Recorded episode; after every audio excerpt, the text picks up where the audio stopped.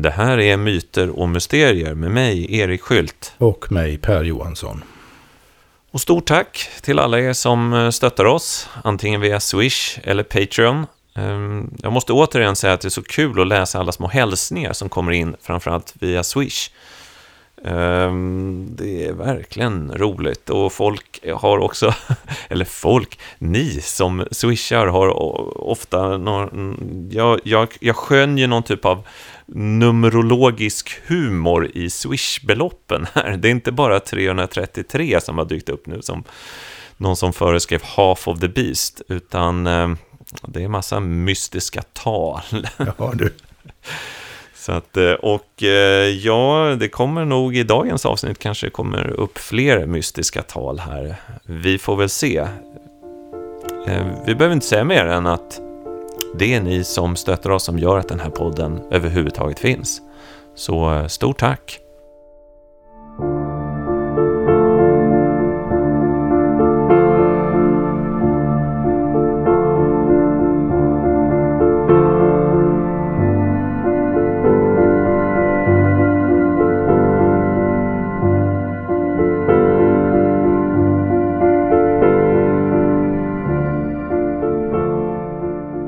Jag tänkte idag att jag skulle börja med att läsa lite. Ehm, det är faktiskt, jag har min gamla bibel framför mig som är, den är helt vattenskadad för att på mitt förra kontor så var det en stor vattenläcka för många år sedan. Och då så rök, eller ja, då blev den här bibeln väldigt vattenskadad. Så den ser lite konstig ut, men jag tänkte att jag måste ha den kvar. Det var någon typ av tecken det där. Ehm, det här är ur kapitel 8 först ur eh, Uppenbarelseboken i slutet av Nya Testamentet. Sista boken i Bibeln. Och just det här korta stycket är då eh, väldigt känt. När lammet bröt det sjunde inseglet blev det tyst i himlen i kanske en halv timme och jag såg de sju änglarna som står inför Gud och eh, åt dem gavs sju basuner. Och en annan ängel kom och ställde sig vid altaret med ett rökelsekar av guld och åt honom gavs mycket rökelse och han skulle lägga till alla de heligas böner på det gyllene altaret inför tronen. Och röken från rökelsen steg ur ängens hand upp inför Gud tillsammans med de heligas böner och ängeln tog rökelsekaret och fyllde det med eld från altaret och kastade ner det på jorden. Då blev det åska och dån och blixtar och jordbävning.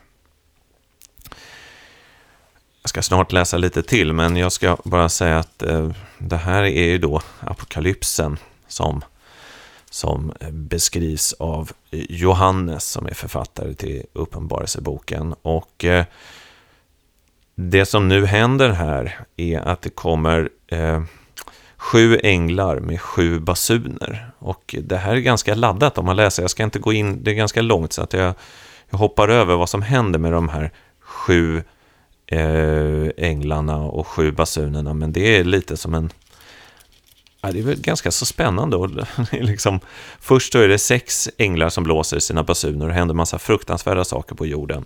Och sen kommer den sjunde ängeln då och då blir det liksom ännu värre. Och eh, det som då dyker upp är två fruktansvärda odjur i kapitel 13. Och det här är också ganska känt. Här läser jag eh, hela, tänkte jag. Det tar någon minut, men det kan det nog vara, vara värt faktiskt. Och, och den som har en bibel hemma och vill följa med så är det alltså kapitel 13 i Uppenbarelseboken som har då rubriken De två odjuren. Och jag såg ett odjur stiga upp ur havet. Det hade tio horn och sju huvuden och på sina horn tio kronor och på sina huvuden hädiska namn. Odjuret jag såg liknade en leopard och dess fötter var som en björns och dess gap som gapet på ett lejon. Och draken gav det sin kraft och sin tron och stor makt. Ett av dess huvuden såg ut att ha fått ett dödligt hugg, men det dödliga såret hade läkts. Hela jorden greps av beundran för odjuret och följde det. Och man tillbad draken för att han hade gett odjuret makten och man tillbad odjuret och sade vem är som odjuret? Vem kan strida mot det? Och odjuret fick en mun som skröt och hädade och det fick makt att hålla på i 42 månader och det öppnade sin mun för att häda Gud, häda hans namn och hans tält, alla som bor i himlen. Det fick rätt att strida mot de heliga och besegra dem och de fick makt över alla stammar och länder och språk och folk och alla jordens invånare skall tillbe honom, var och en som inte från världens skapelse har sitt namn skrivet i Livets bok hos Lammet som blev slaktat. Du som har öron, hör detta. Den som skall i fångenskap, han går i fångenskap, och den som skall dö för svärdet, han blir dödad med svärd. Här behövs de heligas uthållighet och tro. Och sen om man tror att det inte kunde bli värre, då kommer då ett odjur till. Jag tycker det är lite roligt att det här första odjuret får en mun och då det första den gör är skryter och hädar. Eh, men eh, om man inte trodde det kunde bli värre så kommer nu det andra odjuret. Ehm, det som är då ännu mer känt. Ni kommer förstå varför.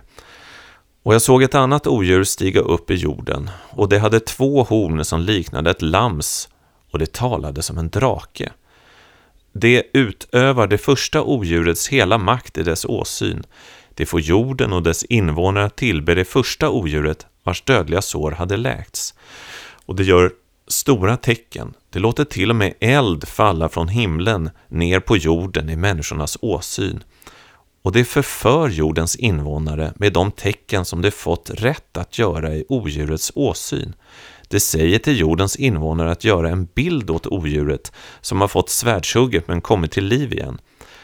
Och det fick rätt att ge livsande åt odjurets bild så att bilden också kan tala och se till att alla som inte tillber odjurets bild blir dödade.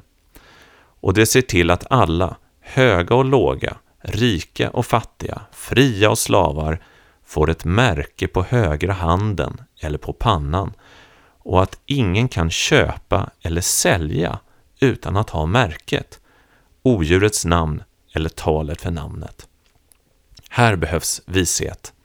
Den som har förstånd skall tolka odjurets tal, ty det är människans tal och talet är 666.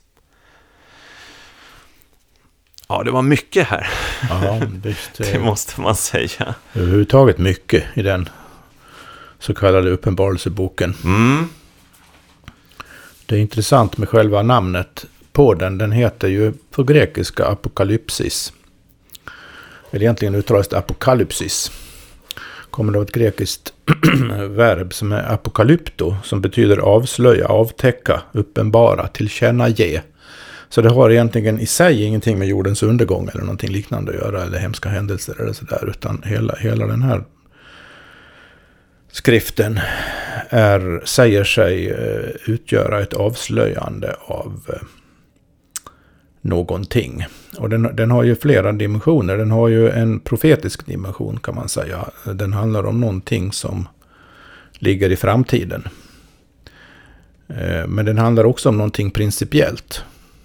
Om, om, om man har det principiella också i bakhuvudet så kommer det att prägla tolkningen av det väldigt mycket. Missar man det, det principiella skulle man kunna säga är tidlöst också, åtminstone ja, i viss mening. Ehm, um, missar man då det principiella eller tidlösa bakgrunden till det profetiska jag vet inte om förutsägelser är rätt ord egentligen, utan det är ju snarare uppenbarelser av hur av effekterna av det principiella, skulle nästan jag säga. Så att de uttolkare som missar för mycket av det principiella innehållet här, de går ofta in i det med någon väldigt konkretiserande historiefilosofisk eller historieteologisk apparat och försöker liksom, ja men vad symboliserar de där hornen och vad symboliserar de där odjuren och vad symboliserar och, och, och det, i andra delar så står det om att olika saker sker eh, under en viss tid och med vissa, med vissa tidsintervall och så vidare. Och så försökte man räkna ut och, och tala om att eh, ja då och då så kommer det här och det här och det är därför som det må att hända. Och, och många många så kallat fundamentalistiska kristna talar om någonting som kallas för ändens tid. Som de menar skildras här nu, bland annat i det här du har läst.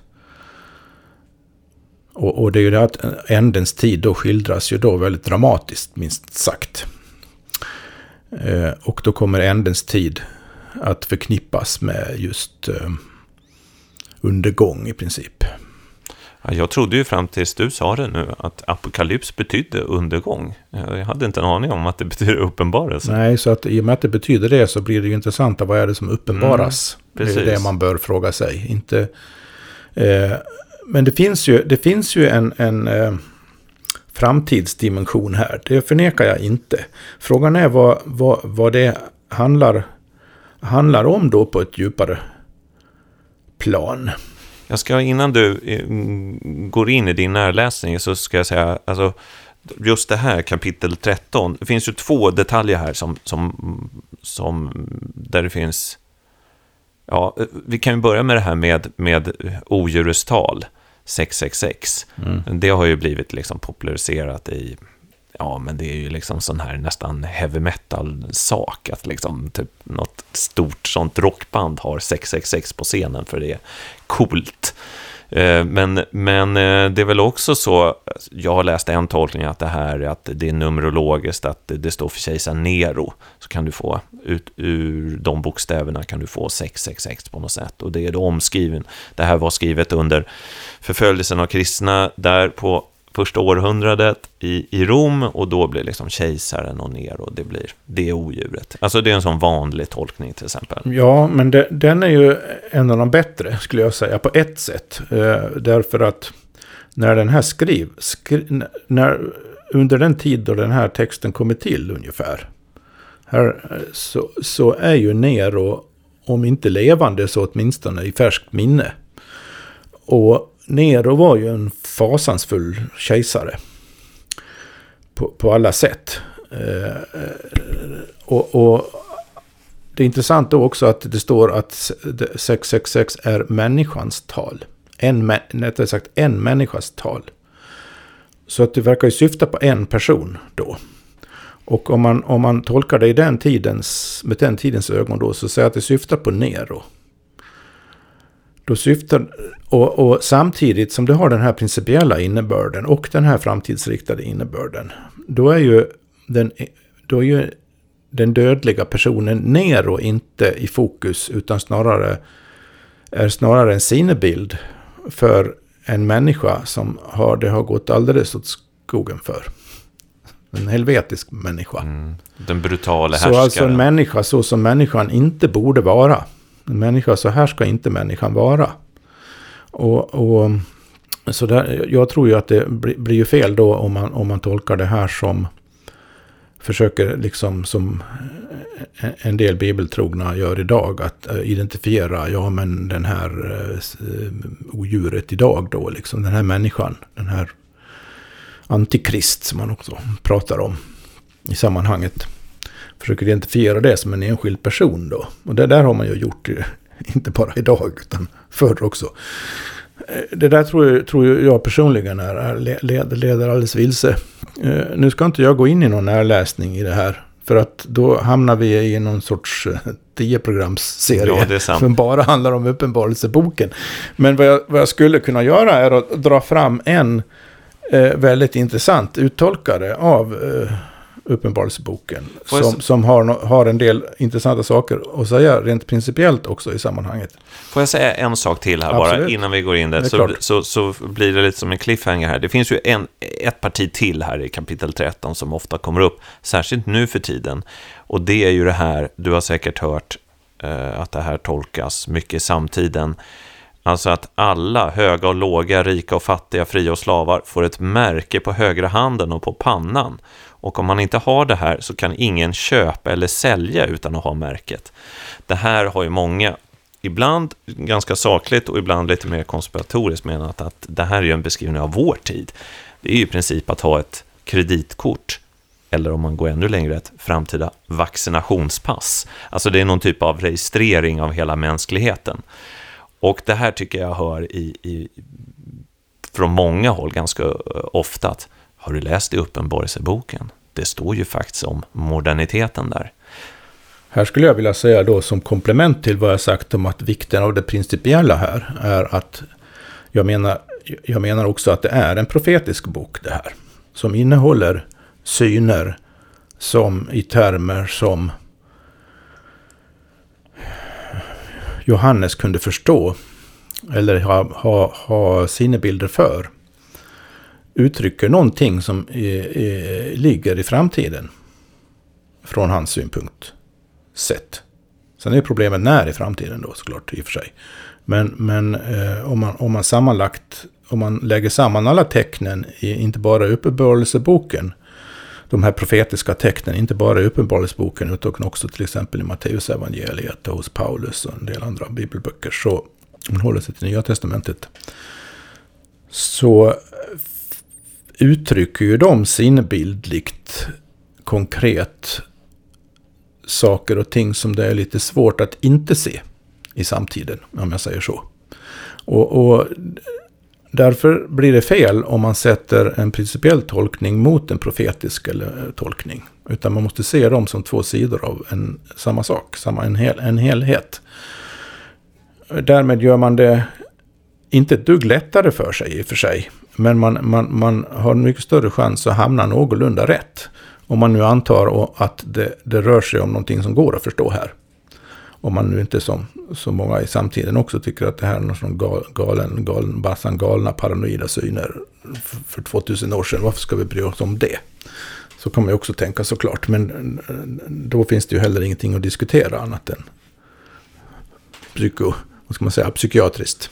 Men det som är intressant med hela Uppenbarelseboken det är att det är som att i hela Bibeln så finns det en, vad ska man säga, en, en värld bortom de reella händelserna som hela tiden antyds. Eh, på olika ställen. Och det, men om det är den himmelska världen eller den helvetiska världen eller andarnas värld eller vad man nu ska kalla det, men den andra världen.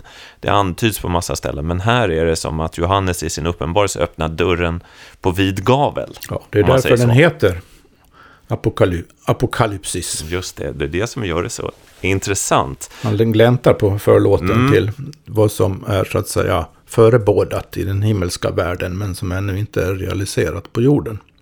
En sista sak bara innan du går in där på din, vad ska man säga, eh, din tolkning eller um, din vidareläsning. Eh, visst var det så att när man sammanställde hela Bibeln på något kyrkomöte, 300-talet eller sådär, eller om det är 400-talet, så, så visst var det så att om Uppenbarelseboken skulle vara med eller inte, det var ganska omtvistat.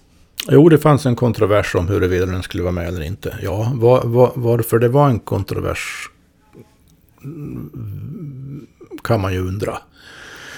Det har, kan delvis ha att göra med, det, det, där kan man ju studera om man vill läsa på. Jag har läst om det där för 20 år sedan, jag kommer inte ihåg det längre. Men eh, en anledning kan ju vara just eh, den här uppenbarelsekaraktären. Att man tyckte att det här var lite för... Eh, om, om man, Paulus i något brev talar ju om eh, skillnaden mellan mjölk och kraftig mat när det gäller andlig, andlig föda så att säga. De flesta klarar inte av den där kraftiga maten utan de behöver bara mjölk som bebisar för de tål inte, de, tål inte klarspråk eller de tål inte de där riktigt drabbande sakerna som man skulle kunna avslöja. Det kanske var det man tyckte den här gjorde då. Det blev mycket på en gång. Och det, faktum är att under 2000 år fortsatte chocka folk. så, så det kan ligga, ligga någonting i det. Eh, intressant tycker jag är väl att om man nu då bestämmer sig för att nej, det här är inte någon galnings eh, vanvettiga syner. Utan det har något intressant innehåll i sig. Eh, att det har det tycker jag att ett tecken på det är ju att människor, människor gång på gång har funnit sig ganska drabbade av det här. Och sett de här tecknen runt omkring sig. Och det kan ju även jag göra. Och fäster vikt vid det dessutom. Och det har man då gjort i olika tider. Och, och, och det här kan då raljerande beskrivas som att ja, ja, ja, man har alltid trott att jorden ska gå under. Ja, ja, ja, man har alltid tolkat Uppenbarelseboken som om den handlar om samtiden. Men egentligen är det bara fantasier alltihopa och så vidare. Alla känner igen de där pseudoargumenten som bara vill en sak och det är att slippa tänka på saken. Eh, jag tror att anledningen till att man är känslig för de här tecken och anledningen till att den är en relevant skrift från andlig, både an, någon sorts kombinerat andlig världslig synpunkt. Det, det, det är att den eh, träffar någonting väsentligt. Även om man inte förstår de här groteska detaljerna och vad de skulle kunna symbolisera i alltihopa. Så känner man av någon relevans i det. Jag tror inte man skulle göra det. Jag tror inte man skulle ens kunna känna av någon relevans i det om det inte fanns där. Sen att det ändå inte är tillgängligt för det rationella förnuftet sådär lätt. Är, är väl inte så konstigt. Jag... Det är mycket som känns relevant och viktigt här i världen som inte är tillgängligt för rationaliteten utan, Nej. utan vidare. Nej, men jag, jag, jag, kan säga någonting om det där. Alltså, hur ska jag förklara det? För det är så mystiskt och, och märkligt. Men bara det här partiet då, som vi bara snuddade vid, där det kommer de sju änglarna som blåser de sju basunerna. Det är något väldigt skrämmande med det. Alltså, jag kan se det nästan i mitt inre, de här änglarna, och så har de, alltså du, du hör den här tonen, och så händer någonting förfärligt, och det blir värre och värre. Och sen så blir det en paus, och så kommer då den sista, som blåser den sista basunen och då blir det som värst. Alltså det finns en dramaturgi här ja. som, som verkligen berör någonting på ett djupt plan. Det finns också en detalj i den här texten som du läste upp. Som är väldigt lätt att missa i och med att det blir så dramatiskt. Det är att innan basunerna, det börjar blåsas i basunerna. Så är det fullkomligt tyst i himlen ja, en lång stund. Just det. Det där är så spännande. För att det hörde, hörde jag en teolog säga något om att teologiskt så pågår lovsången alltid. Änglarna liksom sjunger i himlen. Förutom här. Här är enda gången då det är tyst. Och varför det? Mm. Mm. Jag tänkte nu då, istället för att gå in på någon... Det finns... Det finns ingen möjlighet här att referera till alla dessa kommentarer till den här boken som finns. Det är ju ett enormt bibliotek, bara det. Och, och, och det är svårt också att, att gå in på det i någon sorts detalj från, från mina personliga, mera personliga funderingar också. Så jag, jag tänkte att ta avstamp faktiskt i en enda uttolkare av det här som är väldigt känd och dessutom svensk. Nämligen Emanuel Swedenborg. Jag ska säga bara några korta ord om, om Swedenborg för den som inte har riktigt koll på vem han var. Han eh, föddes 1688, dog 1772. Var från början naturvetare, en sorts teknolog kan man säga. Samarbetade med Polhem med alla möjliga ingenjörsprojekt. Skrev naturvetenskapliga böcker. Var personligen bekant med många av den tidens lärda i både England och Tyskland och Holland och Frankrike. Tillbringade en stor del av livet i de länderna. Utanför Sverige. Och någon gång under 1740-talet så drabbades han av en serie ja, uppenbarelser får man kalla det. Som kom honom att ändra livsinriktning helt och hållet. På ett sätt. Han övergav alla sina så kallat världsliga studier och ägnade resten av livet åt att skriva ner vad han hade sett och hört i himlen och av änglarna och andra andar. Och relaterade det väldigt nära till en viss mystisk, eh, kan man kalla det, brist på bättre just nu, bibeltolkning, andlig bibeltolkning. Det finns en intressant kontinuitet faktiskt mellan Swedenborgs tidiga, mera naturvetenskapliga och filosofiska forskning och hans senare andeforskning. För att själv uppfattar han det aldrig som något riktigt brott det där. Eh, utan mera som en...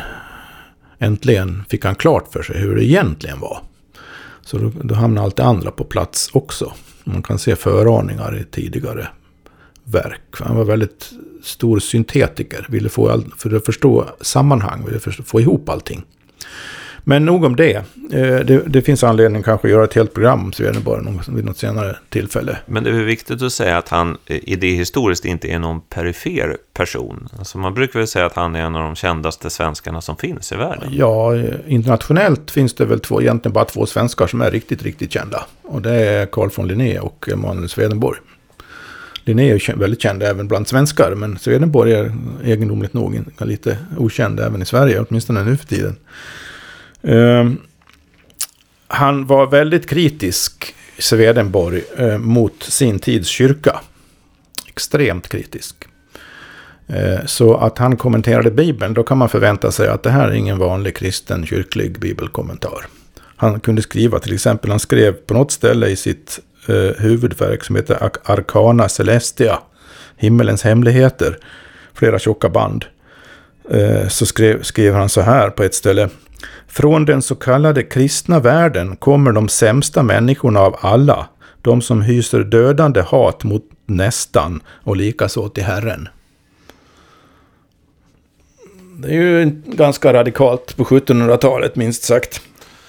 Men var det så att han startade sin egen kyrka? Nej. Eller blev det, det, blev, det var andra Han startade som... ingen kyrka. Nej. Nej. Han, han, För det, finns det var ju... han, andra som gjorde det. Mm det bildades mot slutet av hans liv, så var det en fåtal personer som hade läst hans andliga verk och de, de bildade någon, någon sorts diskussionsgrupper här och var. Eh, bland annat i Göteborg och det var väl i Stockholm också. Eh, han hade några enstaka anhängare och det fanns väl en och annan i England och på andra ställen, men väldigt få. Det var ur de grupperingarna sen så, så småningom den så kallade Swedenborgkyrkan växte fram. Själv hade han väl knappast någon avsikt att grunda någon ny kyrka. Däremot så tal, talade han väldigt mycket om på det sättet, tror jag i alla fall. Men, men eh, däremot talade han väldigt mycket om den nya Jerusalem och, och den nya församlingen och den nya kyrkan. Eh, som, som skulle komma och som han menar att just den här uppenbarelseboken handlar om. Dess, eh, dess eh, ankomst så att säga om den profeterar om någonting så är det den här nya kyrkans ankomst. Och då måste man vara klar över hans definition av kyrka, för det har ingenting med den kristna kyrkan att göra, förstår man av det här citatet jag läste nyss, och många andra citat man skulle kunna dra av Swedenborg. Den sanna kyrkan finns i, inom, eh, förkroppsligas av varje, det här är mina egna ord då, men i hans anda. Den sanna kyrkan förkroppsligas av varje människa som i sig själv funnit anden och andens väg, oavsett vilken yttre religion man tillhör. Så han, han hade ingen föreställning om att det skulle finnas någon sorts säga, sann kristen kyrka, alla katolska kyrkan eller liknande, eller alla lutherska kyrkan i Sverige på hans tid för den delen. Som han var minst lika kritisk mot. Han var vissa vis nästan mera kritisk mot den faktiskt. Apropå Uppenbarelseboken nu då, hur, hur han läser den så skiljer han i himlen så him skiljer han mellan det himmelska riket och det andliga riket. Så skriver han så här i ett av sina större verk som heter Apokalypsis Revelata eller Uppenbarelseboken avslöjad från tryckt i Amsterdam 1766. Så skriver han så här. Det himmelska riket består utav dem som äro i kärlek till Herren och därav i vishet samt det andliga riket utav dem som är i kärlek mot nästan och därav i förståndighet. Så det finns alltså två nivåer skulle man kunna säga i det himmelska riket. Det är de som är, är förståndiga nog att älska nästan. Sen är det de som har, verkligen har Herrens vishet i sig. Eh, som är så att säga på en, en djupare och högre nivå i himlariket. Och på motsvarande sätt så finns det två olika tillstånd i, eh, på motståndarsidan så att säga. Då skiljer mellan det sataniska riket och det djävulska riket. Jag ska läsa eh, ett utdrag här i inledningen till hans tjocka bok här nu då om Uppenbarelseboken avslöjad. För den, den klargör ganska bra hans, apropå principiellt perspektiv, hur, hur, vad grund, grundinställningen att alltihop handlar om är. Här kan man också känna igen då naturfilosofen och metafysikern Swedenborg. Bekant är att det finnes andligt och naturligt. Och att det andliga inflyter i det naturliga och framställer sig att ses och kännas i de former som falla på syn och känsel, och att det andliga förutan dem icke förnimmes annorlunda än så som en böjelse och en tanke, eller som kärlek och vishet, vilka tillhöra sinnet. Att böjelsen och tanken eller kärleken, vars sak det är att intagas av böjelse och visheten vars sak det är att tänka, är andliga erkännes. Att dessa tvenne själens förmögenheter framställa sig i former i kroppen, de göra ett, samt så ett att då sinnet tänker uttalar munnen det i ögonblicket, och då sinnet vill utför kroppen det i ögonblicket. Därav är det uppenbart att det är en fullkomlig förening av andliga och naturliga ting hos människan. Likadant är det i världens alla samtliga och enskilda ting. Det finns där ett andligt som är det innersta av orsaken och det finnes ett naturligt som är dess verkan. Och de två göra ett. Och i det naturliga synes icke det andliga, emedan detta är inne i det förra, såsom själen i kroppen, samt såsom det innersta av orsaken i verkan. Mm -hmm. Det här, om jag bara associerar, så låter det ju lite likt saker du har pratat om genom åren. Det, det låter ju nästan gammal egyptiskt, det där att det i alla ting finns dess innersta ande. Oerhört viktigt detta som grundprincip då alltså för Swedenborg och för hans sätt att läsa Uppenbarelseboken att det finns två, verkligheten har två sidor. En andlig sida eh, och en sinnlig eller världslig eller påtaglig eller kroppslig sida. Och de två sidorna är två sidor av samma sak. Det, går, det, är, ingen, det, det, det är så att säga, man, man kan urskilja i sitt sinne en sorts tvåsidighet. Men det är just en tvåsidighet av ett. Vad handlar då Uppenbarelseboken om? Ja, enligt Swedenborg? Ja, precis. Ja.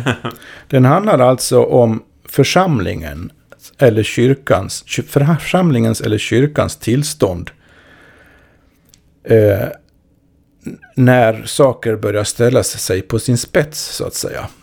Tidens slut betyder inte att historien upphör eller att tiden slutar, men det, det betyder att då har, då har eländet i kyrkan gått så långt det vill säga tron, inte, eller den andliga uppfattningsförmågan har blivit så svag.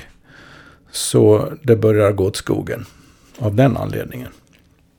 Men pratar han bara för att klargöra det här, pratar han då om den enskilda människan eller talar han på mer kollektiv nivå? Det här det är på kollektiv nivå. Ja. För det handlar om... Det, om man läser Uppenbarelseboken så ska man uppmärksamma att vad, vad är det första som står i den? Det, stå, det står ganska utförligt om tillståndet i de olika församlingarna. Mm. Guds sju församlingar. Mm. Så, så, beskriver Johannes eh, hur, hur, på de olika platserna, ja men där har man eh, tappat greppet och där håller man fast och, och så vidare. Och det är lite olika. Så hela boken handlar om, och det är det Swedenborg är inne på också, handlar om församlingens, det vill säga den sanna kyrkans, det vill säga de sant andliga människornas öde framöver. Vad händer med dem? Och vad gäller kapitel 8 till 16 så menar Swedenborg att det handlar om eh, de som är i det andliga riket. och i det sataniska riket. Och det där kan vi precisera lite grann. Till skillnad från det himmelska riket och det djävulska riket nu. Nu ska vi inte gå in på den distinktionen Nej, här, va? för okay. då blir det lite mm. väl fin, finlir Mm, i Swedenborg-exegesen också. det ska vi inte göra här. Men eh, jag kan läsa lite mer om det där, för det, Ja. det klargör en del. Men, vä- vänta nu, men, men det finns i alla fall fyra riken enligt honom. är två riken, egentligen. Ah, som okej. var och ett är tudelat för att det är olika nivåer inom. Ja, ah, okej. okej. Men, det, men, men det finns i alla fall något, det ljusa riket som är delat i två, det mörka riket som är delat i två. Ja. Ja. Um, jag läser bara ett, ett, ett kort här eh, citat ur Swedenborgs eh, uppenbarelseboks tolkning eh, om den första versen. Citat. Och när det öppnade det sjunde inseglet, slutcitat, betecknar, enligt Swedenborg då, av Herren utforskandet av församlingens och därföre dess, deras livs tillstånd som äro i hans andliga rike, vilket äro det som äro i människokärleken och dess tro, här de som äro i blotta tron. Vart en tystnad i himmelen, nu blir det citat igen från Bibeln, vart en tystnad i himmelen liksom en halvtimme betecknar att änglarna utav Herrens andliga rike högligen häpnade när de såg dem som sade sig vara i tron i ett sådant tillstånd. Underförstått sådant eländigt tillstånd. Citat. Och jag såg de sju änglar som stod då inför Gud betecknar hela den andliga himmelen i Herrens närvaro, hörande och görande de ting som han skulle bjuda. Och åt dem gåvos sju basuner betecknar utforskandet och upptäckandet av församlingens och därföre deras livs tillstånd som äro i blotta tron. Okej, så det är någon typ av rening av församlingen, kan man kalla det det? Ja, varje basunljud eh, rikt, riktar sig till en viss typ av församling Ja, ja, som ja. Är Mm. alltså, har alltså avvikit på ett visst sätt. Och det, ett av de absolut värsta sätten att avvika på, det är att vara i blotta tron. Ja, vad menar du med det? Ja. Swedenborg, precis som sin pappa, biskopen och, rektorn för Uppsala universitet, Jesper Svedberg, han var extremt kritisk mot den, här lutherska tesen om tro alena. Just det det, tyckte ja. de var rena fördärvet. Mm. Eh, för att tro utan gärningar är helt meningslös. Och det har att göra med hans, med hans grundinställning, metafysiska grundinställning som jag citerade nyss. Att det finns två sidor. Verkligheten har två sidor, en andlig sida och en materiell sida. Eller en kroppslig sida. Och om, om, om det uppstår någon på den, någonting, initieras någonting på den andliga sidan, uppstår någonting på den andliga sidan som sedan inte kommer till uttryck i den, på den kroppsliga sidan, då är det inget värt. Nej, Så man bara har tro i sinnet så att säga, men sen inte lever det.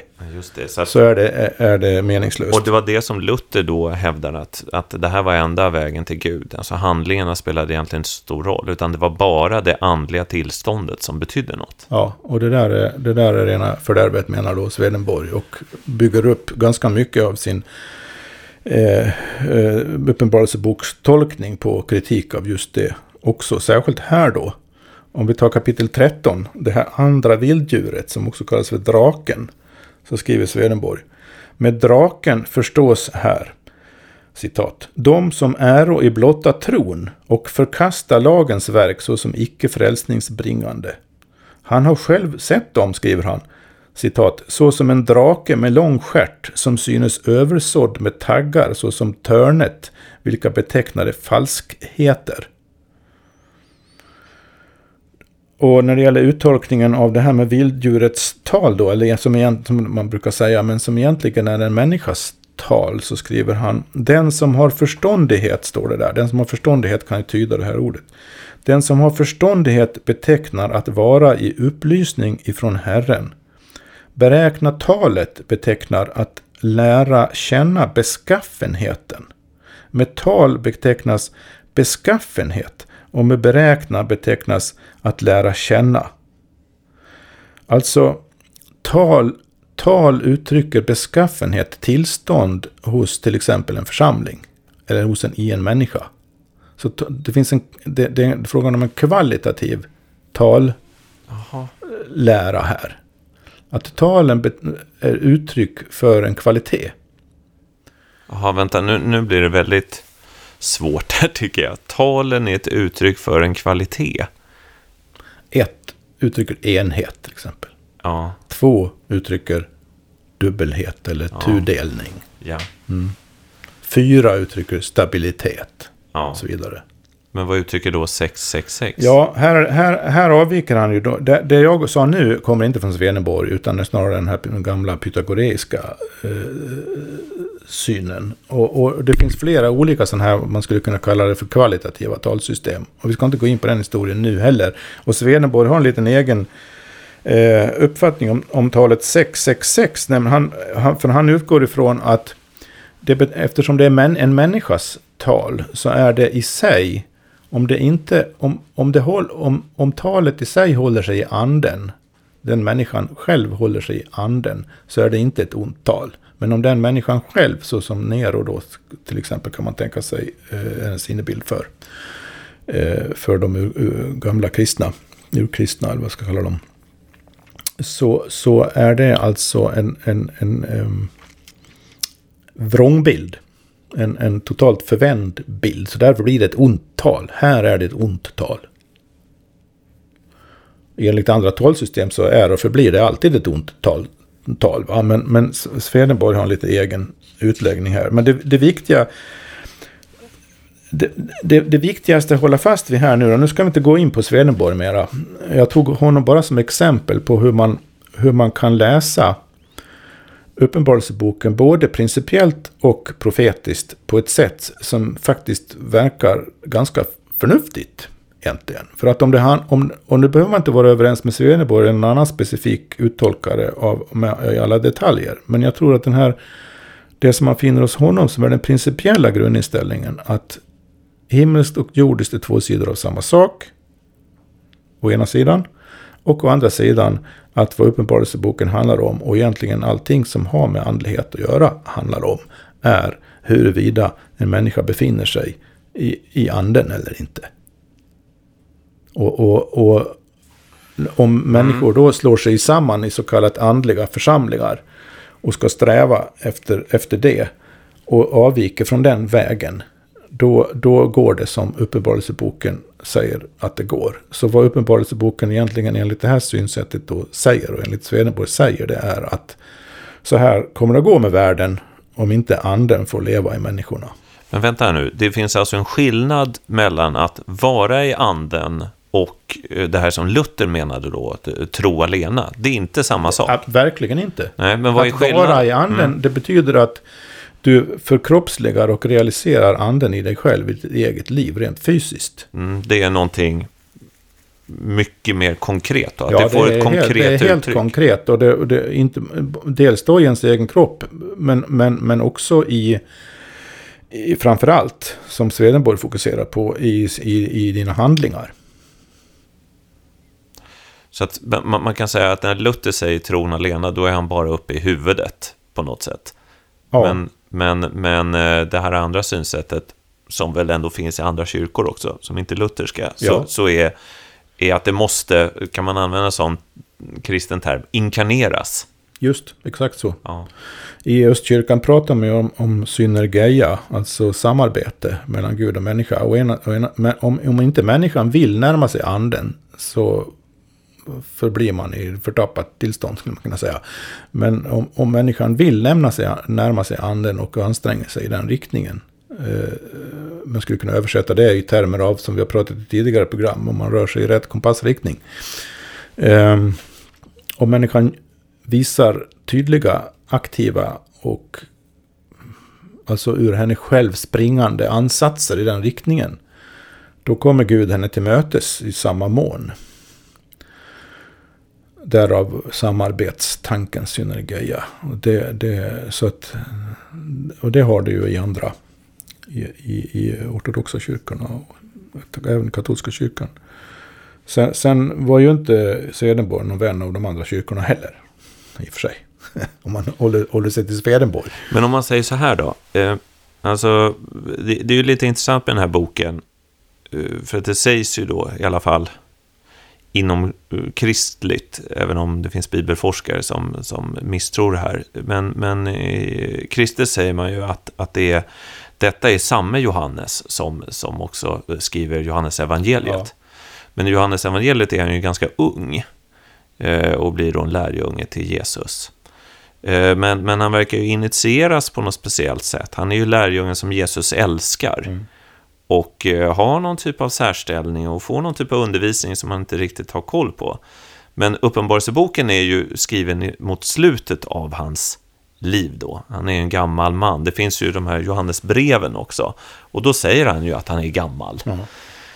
Och, eh, och, och man tror väl att, att Uppenbarelseboken kan vara skriven mot slutet av första århundradet. Så att rent tekniskt kan han ju ha, ha levt så länge. Han kanske, så att han var 20 när han hängde med Jesus mm, då, så mm. är han 80 eller 85 när han skriver det här.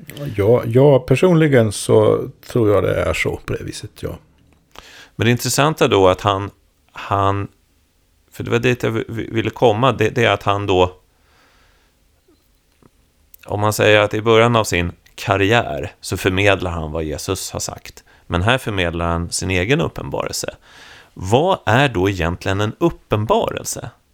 Vad är, alltså ja. vad, vad är en uppenbarelse? Den frågan ställdes ju i Swedenborg också med tanke på alla uppenbarelser han fick. Ja, exakt. Och vi, Så han kände mm. sig mm. nog väldigt befryndad med Johannes, tror jo, jag. Jo, precis. Och jag menar, det är ett genomgående tema som, som vi ofta återkommer till. Det är ju den här typen av, som eh, Jakob Böhme då fick, alltså eh, solglimten i kopparkärlet. Eh, Men här är det mycket mer detaljerat ju. Ja. Alltså, ja. Böhme är ju intressant för att i sammanhanget då, eh, den här glimten i tändkärlet sätter igång någonting i honom som får honom att kunna alltså säga, avläsa signatura rerum, tingens tecken. Och så bygger han upp en spec, spec, kan inte prata, spekulativ metafysik på den grunden som, som i och med att den är så inlevelsefull och i någon sorts andemening i ganska stor utsträckning realistisk så lyckas han också säga mycket meningsfulla saker. Vad, vad, vad som verkar typiskt för Johannes i Uppenbarelseboken och även för Swedenborg då det är ju att de, de bokstavligen ser syner som de tecknar ned. Eh, så att det, det, blir, det är en lite annorlunda grund liksom. Mm. Men eh, vad är en uppenbarelse? Ja, vilka, vilka komponenter eller variabler har vi här? Om vi håller oss till den Swedenborgska metafysiken, som inte han är ensam om i och för sig. Man kan, jag menar ju att man finner samma hos Spinoza, till exempel. Eh, så har alltså verkligheten två sidor andlig sida och en fysisk sida. Och det finns skäl, utan att jag går in på det nu, det finns skäl att anta att den andliga sidan är så att säga inom citationstecken större än den fysiska sidan. Det vill säga den rymmer mer. Det är massa saker som inte har hänt fysiskt än. Eller som inte är svårt för att hända i det fysiska, men som så att säga finns latent i den andliga sidan. Så i så fall vad som, vad som Johannes eh, eh, erfar då i sina syner är sinnebilderna för det som finns redan är känt. Kanske till och med planerat inom citationstecken på den andliga sidan. Men som ännu inte har kunnat förverkligas på den fysiska sidan. Och så med sitt hjälp av sin, vad som finns i hans sinne vid den tiden han lever. Så tecknar han ner det han har uppfattat. Liksom. Så vad, vad, får vi då? Ja, vi får en massa sinnebilder som han fångar som någon sorts uttryck för vad han har uppfattat. Men under den ytan så får vi ju framförallt, och det är därför det principiella är så viktigt, så får man ju någon sorts ordning. Va? Man får en, en, en både, både någon sorts historisk ordning, men man får också, kanske ännu viktigare, någon sorts graderad ordning när det gäller andlig mognad eller andlig avvikelse och så vidare. Som, som sen då gestaltas i de här sinnebilderna. Som, som, som kan tolkas både profetiskt konkret och eh, andligt betydelsefullt. Ofta samtidigt. Beroende på vad man fokuserar på. Så vad vi har. Det betyder att svaret på frågan vad är en uppenbarelse är egentligen samma typ av svar som på frågan vad betyder uppenbarelseboken? Vad säger uppenbarelseboken? Och, och om man ser det i, i sammanhang med hela, liv, hela vårt livs sammanhang så innebär det att våra liv strävar efter att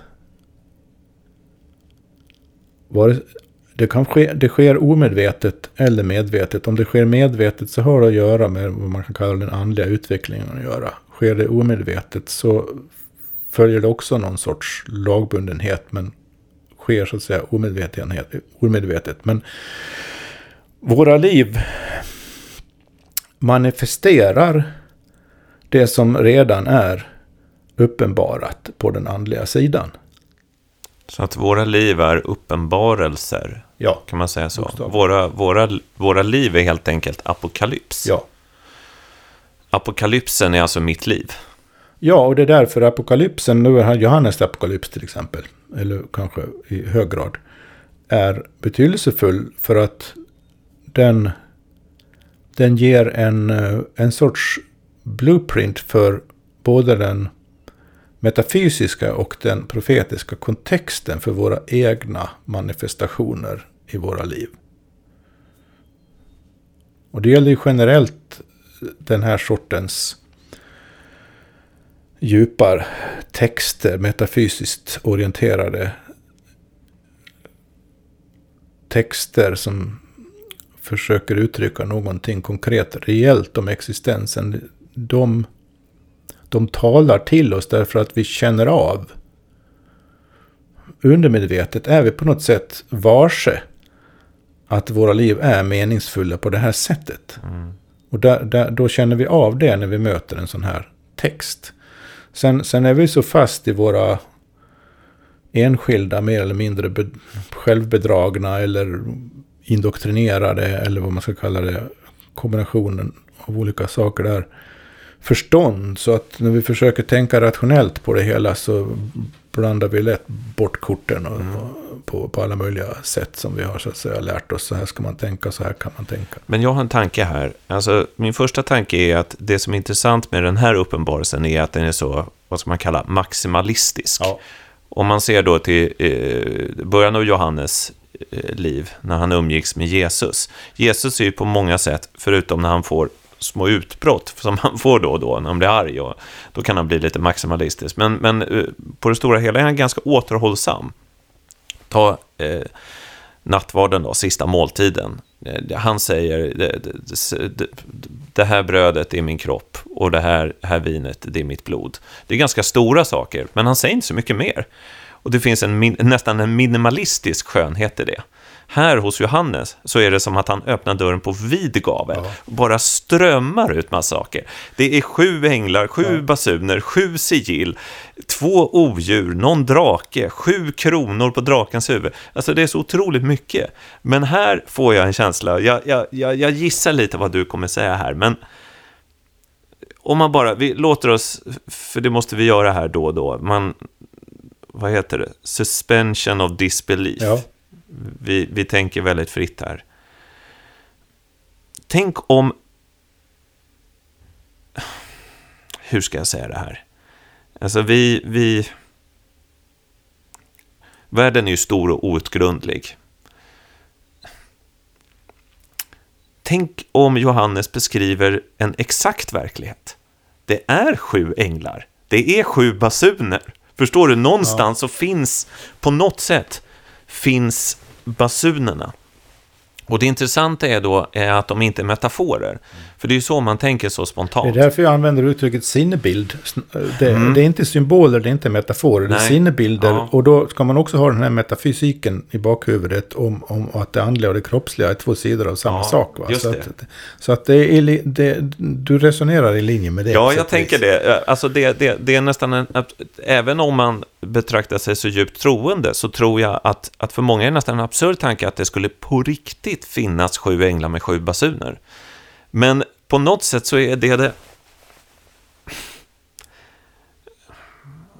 Det är mer logiskt, förstår du? Alltså, det kan ju finnas fler, men det är sju som är Ja. relevanta just här då. Precis, det kan absolut, det kan finnas fler, men det är liksom...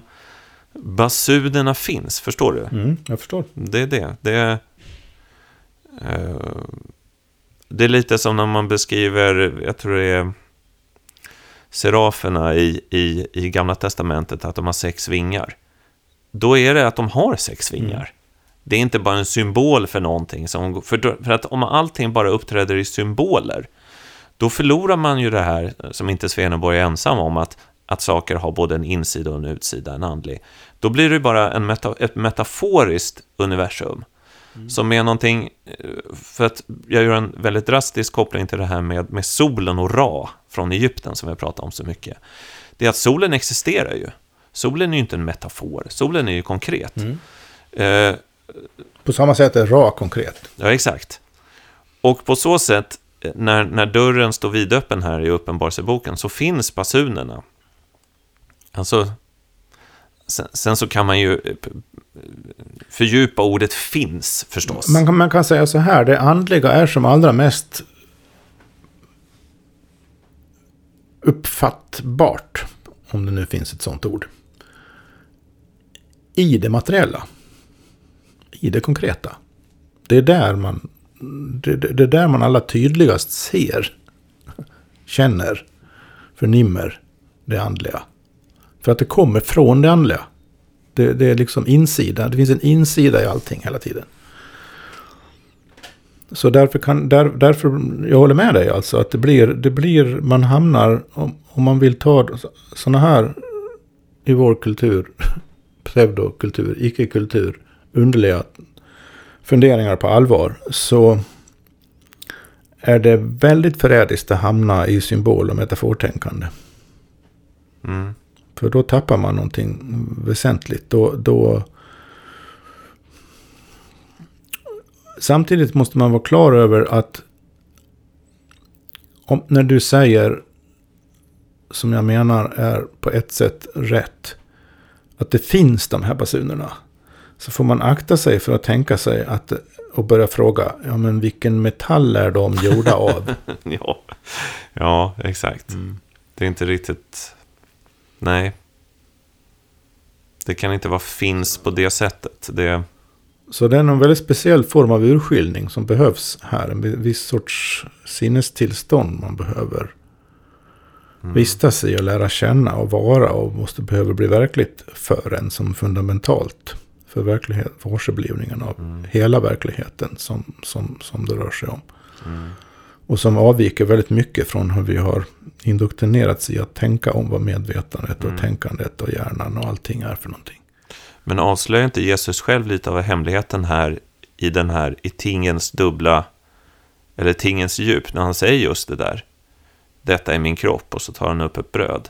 För att du kan inte börja skiva det där brödet och försöka hitta en njure och en lever. Det kommer du inte göra. Det är inte kropp på det sättet. Men det kan ändå vara hans kropp. Ja, rent bokstavligt är det ju också sant. Om man äter bröd så blir det kropp. Ja, exakt. Mm. Det finns någonting, jag känner att vi, det, det finns en typ av metafysik här som både är väldigt poetisk men ändå väldigt sann. Alltså den sanna poesin, skulle man kunna kalla det eh, för det? Du vet att ordet poesi kommer från ett grekiskt verb som är poieo. Som betyder att göra. Att göra någonting. Konkret alltså. Allt du liksom gör konkret, det är poetiskt. I ursprungsbetydelsen. Det är det som är poesin.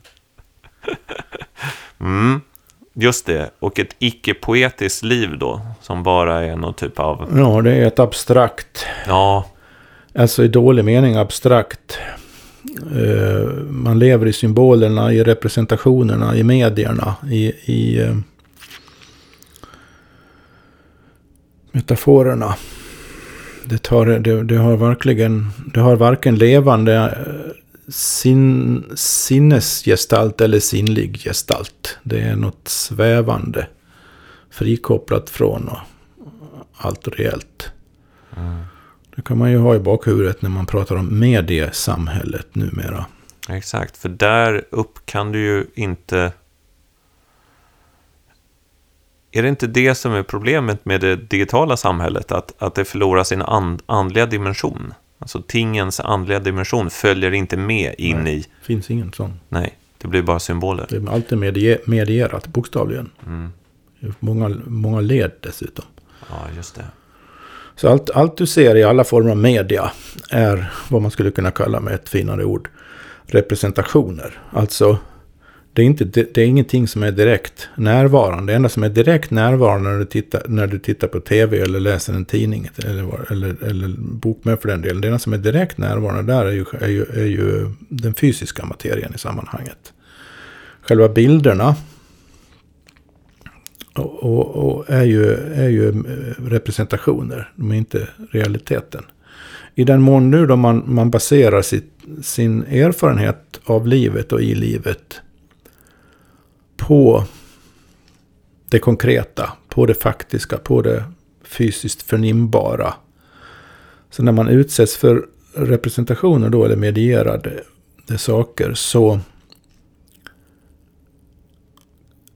kan man ju ta dem till sig och sätta in dem i det sammanhanget. Men om man, om man, om man det här är ju naturligtvis inget argument mot film och bild och böcker och tidningar. Det är inte det det är frågan om. Utan det är frågan om var, var man placerar sin tilltro någonstans. Om man, om man placerar det i det som medieras eller i sin egen urskiljning, sin egen uppfattningsförmåga. Nej vi börjar komma mot slutet här, men, men någonting som jag... Ja, vi kan fundera lite tillsammans på det. Det är alltså... Ibland så blir det ju lätt att tänka att den medierade... Alltså, vad ska man säga? Medierna och den andliga världen är samma sak. Förstår du? Att det, det liksom strömmar till en utifrån i symboler. Men det är inte så. Nej, verkligen Nej, det inte. Man skulle verkligen till och med kunna säga att vad Johannes varnade för i sin uppenbarelse var Swedenborg också uppmärksammade varnande på samma sätt. Det, det, det, det är just det där med, med blotta tron. Som vi ju faktiskt närmar oss i vårt förhållande. Många, många, många, mångas förhållande till den medierade verkligheten är ju det. Man Det tror ju på det tron, ja. medierade. Det är sant. Det blir verkligheten. Man lever i den verkligheten. Så det är en för, helt förvänd syn. Mm. Precis. Om du lever, säg att du lever i en intensiv nyhetsrapportering från alla världens eh, skrymslen och vrår, så kommer du uppleva världen som väldigt hotfull och ständig undergång. Men om du tittar på ditt eget liv så, för många, särskilt land som Sverige, är ganska, ganska stabilt och ganska harmoniskt, ofta. Ah, vänta här nu. Ja, intressant. Det är inte symboler, det är inte metaforer. Nej. Däremot kan man behöva en nyckel för att förstå mycket Ja. i till exempel upp- Uppenbarelseboken. Mm. Precis som man kan behöva en nyckel Ja, man undrar ju hur... för att förstå sin egen kropp för den delen. Ja, visst. Men nyckeln är ju då inte en teori eller en någon i sig abstrakt grej. Utan nyckeln är ju rätt levande förhållande till saken. Mm, just det. som kan specificeras. Och den som har den nyckeln, den som har erfarit den nyckeln, den kan ju också peka på den och försöka få andra att förnimma och se den. Men man, men, men man måste också finna den i en viss mening i sig själv. Men, är Men det finns också faktiskt, jag måste tillägga det för att det inte ska bli totalt, totalt bara liksom förnimmelsemässigt och existentiellt på något vis här. Eh, vilket är helt väsentligt i sig, i och för sig. Men vad gäller sådana här skrifter som Uppenbarelseboken och flera andra böcker i Bibeln för den delen. så krävs det bokstavligen en tolkningsnyckel också. För att en del är liksom avsiktligt utformat rent språkligt. Så att man behöver ha en nyckel, det är en sorts skiffer. Ja, så måste det väl varit. Alltså, jag, jag tänker när, när eh, vi säger att kretsen kring Johannes, att de satt och väntade på hans uppenbarelse. De läste läst hans evangelium och tyckte det var bra. Det var som att han skulle komma med en ny bok. Så måste det ha varit att de måste ju varit mer kunniga i, i hans tänkesätt än vad vi är. Det finns mycket talmystik så kallad också Ja, i Johannes evangeliet inte minst. Ja. Så måste det ju vara, ja. Och det, det... Har man ingen nyckel till vad Nej. de tal, talen betecknar där egentligen så är man liksom lost på Ja. den punkten. Även om det finns annat man kan ta till sig. Men en, en, en sista sak då. Är det inte märkligt att vi lever i en, en tid som på ett sätt är så eh, materialistisk? Eller så, så där där det materiella är, är, till synes ska vara så viktigt. Samtidigt som livet är så, eh, samtidigt då, artificiellt. På grund av det medialiserade Det där, det samhället. där är ju väldigt Med och allting. starkt, starkt indicium för hur förvänd vår syn är. För att vår tid är ju materialistisk bara, bara i filosofisk mening. Ja, eller Den är ju hur? inte reellt Nej, materialistisk. nej, det där är ju nästan tvärtom, att den Ja. absolut inte är materialistisk. Precis. Och det är det som är så förvirrande Ja. och frustrerande. Och som gör att vi, att, att vi som har indoktrinerats i den här dagens värld har så svårt för att förstå någonting. Ja. Så, så eh, ja, det är jättesvårt att prata om det här för att vi, vår, vårt vanliga sätt att använda de ord vi behöver är, är liksom inbyggt missvisande.